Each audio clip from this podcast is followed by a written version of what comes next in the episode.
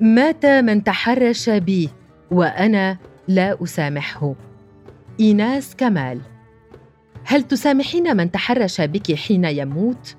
طرحت هذا السؤال على صديقتي أثناء حديثنا عن التحرش وكانت المرة الأولى التي أراها تتحدث عن قصة مؤلمة تعرضت لها كما كانت المرة الأولى التي أراها تغالب دموعها وتحبسها فيخنقها صوتها.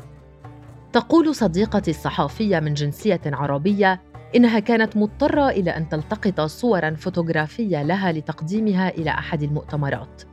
فذهبت بصحبة ابنة شقيقها الطفلة إلى شخص كانت تحسبه زميلا محترما ونزيها. عقب التقاط الصور وكأن الحاسة السادسة لديها أنبأتها فجعلت ابنة شقيقها تتقدم الخطوات إلى باب الخروج لتلحقها هي. تحجج المصور أنه يرشدها إلى الباب ووضع يده على خصرها ففزعت صديقتي ونبهته بامتعاض وجحظت عيناها. فتراجع معتذرا لكن اللمسه تلك جعلتها تكتم الأذى النفسي الذي ألم بها. تقول صديقتي إنها لا تدري كيف نظر إليها وكيف استباح لنفسه تلك الفعلة. وهل تصور أنها فتاة تحب أن يضع الرجال أيديهم على خصرها؟ اللافت أنها لم تصدر رد فعل قوي حتى لا تنتبه ابنة شقيقها لما يحدث وترى إلى المهنة على أنها سيئه السمعة أو أن الانتهاكات الجنسية أمر معتاد أو أن عمتها تسمح بانتهاكها. وخوفا أيضا من أن يطال الصغير ضرر من أي رد فعل غير محسوب من المصور كأن يغلق الباب ويمنعهم من الخروج. تقول انهما التقيا بعد هذا الموقف في اجتماع وأدارت له ظهرها. تنبه المدير لذلك فقال إن هناك اناسا لا يستحقون أن نعطيهم وجوهنا فوصلته الرسالة. راح يعتذر لها في كل مناسبة يجتمعان فيها وعبر رسائل نصية لكنها كانت تخبره أنها لن تسامحه. ثم تنهدت وقالت إنه مات على كل حال وهو الآن بين يدي الله. ولا أملك إلا أن أسامحه وأن أقول الله يرحمه.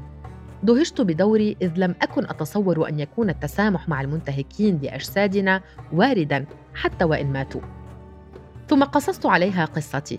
كنت أعمل عام 2014 مع أحد المواقع الصحفية العربية التي كان لها مقر في القاهرة. لم أشك يوما في رئيس التحرير السبعيني فبالكاد كان يتكلم ويتحرك وكان مريضا إلى درجة غريبة. كنت أشكو إليه الحسم الذي لحق براتبي ظلما بينما كنا بمفردنا في مكتبه. لم أظن أن ثمة مشكلة في أن تتواجد صحافية ورئيس التحرير المسؤول عن عملها في مكتب بمفردهما في وضح النهار أو أنه سيكون أمرا يستدعي منه التحرش بها إلى أن طلب مني الاقتراب منه لأخذ مرتبي كاملا فاقتربت منه وتناولت الظرف لكنه أمسك بيدي بقوة فأفلتها وتجمدت في مكاني لثوان ثم عدت إلى الكرسي وبعد لحظات استأذنته بالانصراف. لأيام عديدة كنت اقسو على نفسي وألومها بشدة على أنني السبب وأشكك فيما حدث وأقول إني ربما أتوهم. لم أجب على مكالمات رئيس التحرير الهاتفية بعد ذلك واعتذرت عن إكمال العمل. لكن بعد أشهر قليلة جاءتني من رقمه رسالة تطلب له الرحمة والحضور إلى سرادق عزائه. لم أشعر بالحزن ولا بالفرح ولا حتى تمنيت له الرحمة. قلت هو بين يدي خالقه الآن وسيحاسبه.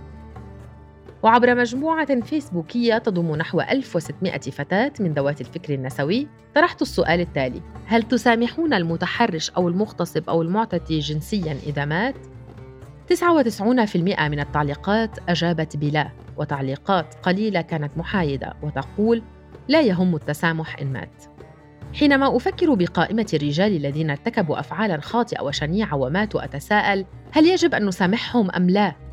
الأمر لا يخص هؤلاء الذين انتهكوا أجسادنا لكني أفكر من منظور اجتماعي وسياسي أيضا. فحين مات مبارك كان الترند الأشهر له ما له وعليه ما عليه. ثم توالت الترحمات من معارضين له سابقين. الأمر الذي جعل معارضين له آخرين في حيرة. تعبر عن ذلك الصحفية جينيفر رايت في مقال لها عارضة ما يدور في أذهاننا كنساء وهي النتيجة التي حصلت عليها أنا أيضا من مجموعة الفيسبوك السرية الخاصة بالفتيات حينما سألتهن هل سنسامح من أفزعنا من السير بمفردنا في الطرقات أو الرجل الذي أمسك صدرنا في الباص أو من وضع يده على مؤخرتنا في الشارع أو المدير الذي طلب ممارسة الجنس معنا لنحصل على ترقية أو علاوة على الراتب أو الحبيب الذي خان ثقتنا ومارس الجنس بالإكراه معنا ما حصلنا عليه من الرجال كان كبيرا مقارنة بما حصلوا عليه منا.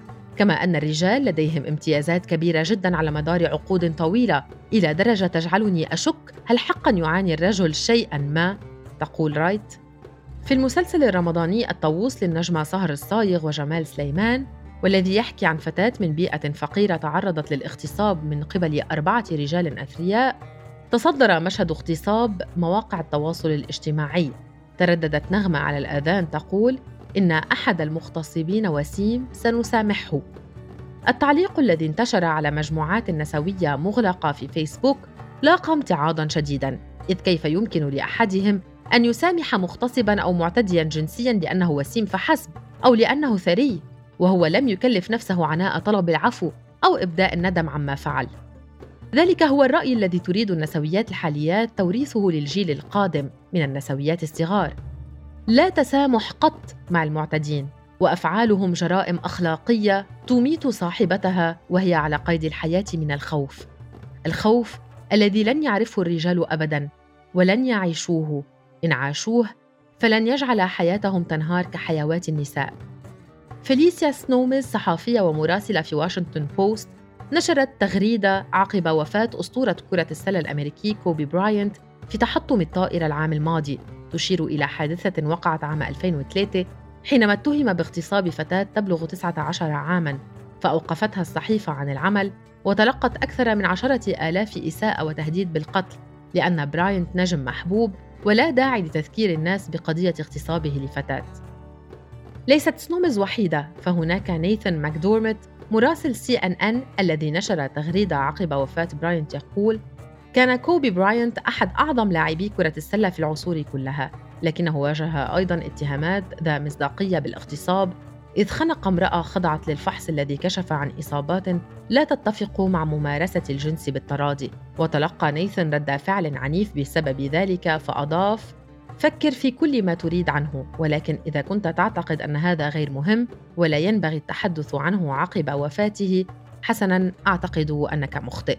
وبحسب موقع فيمينست إن إنديا الذي نشر مقالا في أيلول سبتمبر عام 2019 عقب وفاة المؤلف والأديب الهندي كيران ناجاركار الذي ضجت وسائل السوشيال ميديا بعد وفاته بتعليقات من محبي الأدب ومناصريه عن مساهماته وكيف سيفتقدونه؟ تقول فيه كاتبته إن ذلك لم ينفي أنه قبل وفاته بعام اتهم من قبل ثلاث نساء مختلفات بالتحرش بهن.